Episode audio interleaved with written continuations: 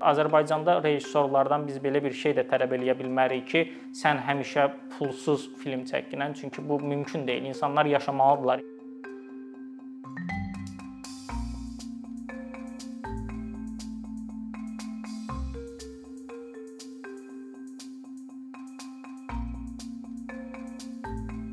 Filmlərin çox fərqli məqamlarda, çox fərqli yerlərdən faydaları ola bilər. Həm cəmiyyət üçün, həm cəmiyyətin müxtəlif insanları üçün. Məsələn, bəzən elə filmlər olur ki, bir məkanda, bir neçə məkanda keçir və o məkanı o qədər uğurlu şəkildə istifadə eləyirlər ki, həmin film çox böyük uğur qazanandan sonra həmin məkana çox böyük bir turist axını gəlir. Məsələn, filmlərin belə bir funksionallığı var. Bəzən şəhərlər, xaricdə bəzən şəhərlər, şəhər meriyaları həmin filmlərə dəstək verirlər ki, məhz bu film bu meydanda keçsin, burada keçsin, Çünki həmin çox böyük turist gəlir. Və ya filmlərin ümumiyyətlə cəmiyyətdə olan problemlərə, ictimai məsələlərə də toxunmaq gücü çox böyükdür. Həmin o ictimai məsələlərə toxuna bildiyi zaman, onları göstərə bildiyi zaman bu məsələdən xəbərdar olmayan insanlar da xəbərdar olur. Onlarda sanki bir aydınlanma yaşanır və ümumiyyətlə həmin mövzuya qarşı da həssas ola bilirlər.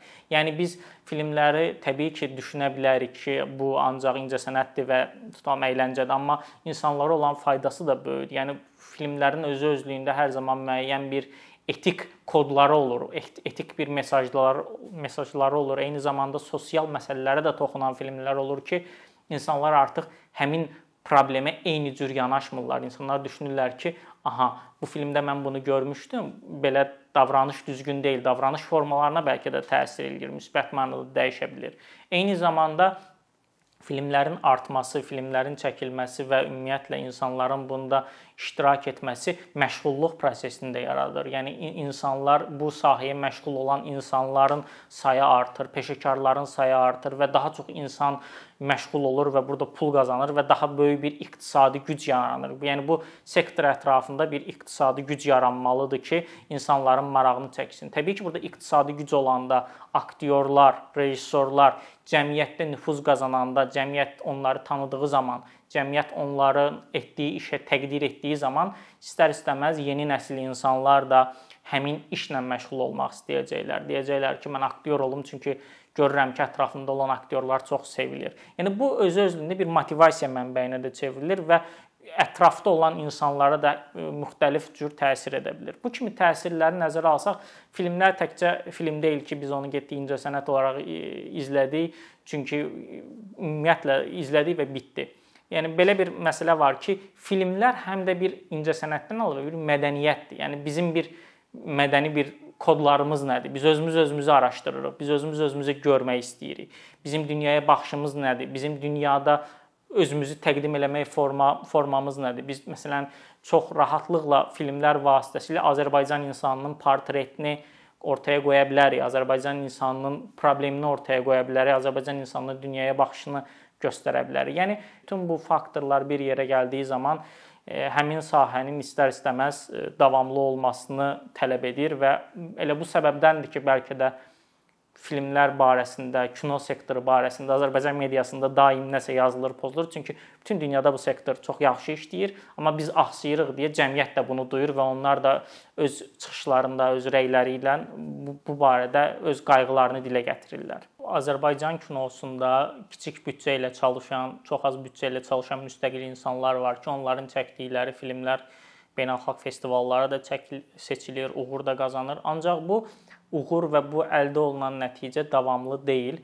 Bunun səbəbi odur ki, bu insanlar filmini istər-istəməz xarici bir prodüser vasitəsilə, xarici bir insan vasitəsilə həmin festivala daxil edə bilirlər və ya həqiqətən də çox yaxşı filmdir deyə seçilir. Lakin e, burada motivasiya olmalıdır. Burada tutalım film seçildi, yaxşı, amma gələn dəfə sən ətrafına insanlar topladığın zaman onlarla birlikdə film çəkmək istədiyin zaman istər-istəməz onlar müəyyən bir gözləntiləri olur və buna görə də belə bir situasiya yaranır ki, artıq həmin o insanlar da könüllü şəkildə e, bu işi görmək istəmirlər.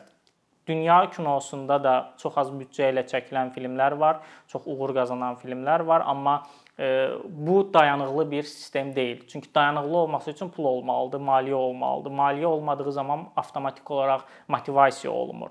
Motivasiya olmadığında isə insanlar yenidən bu işi görə bilmirlər. Yəni insanlar başqa işlərə müraciət etməli olurlar.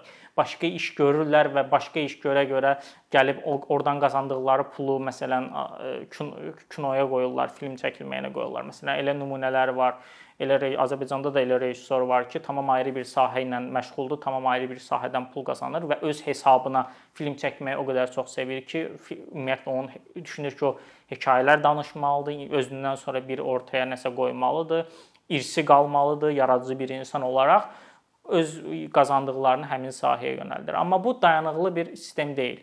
Və bu Azərbaycanda rejissorlardan biz belə bir şey də tələb eləyə bilmərik ki, sən həmişə pulsuz film çəkinən, çünki bu mümkün deyil. İnsanlar yaşamalıdırlar. İnsanların xüsusilə xüsusilə kino elə bir sahədir ki, rejissorlar, ümumiyyətlə aktyorlar və digər sahənin insanları, bu, bu bu sektorda olan insanlar bütün dünyada çox yaxşı, ən azından yaxşı olmasa da orta səviyyədə yaşayırlar.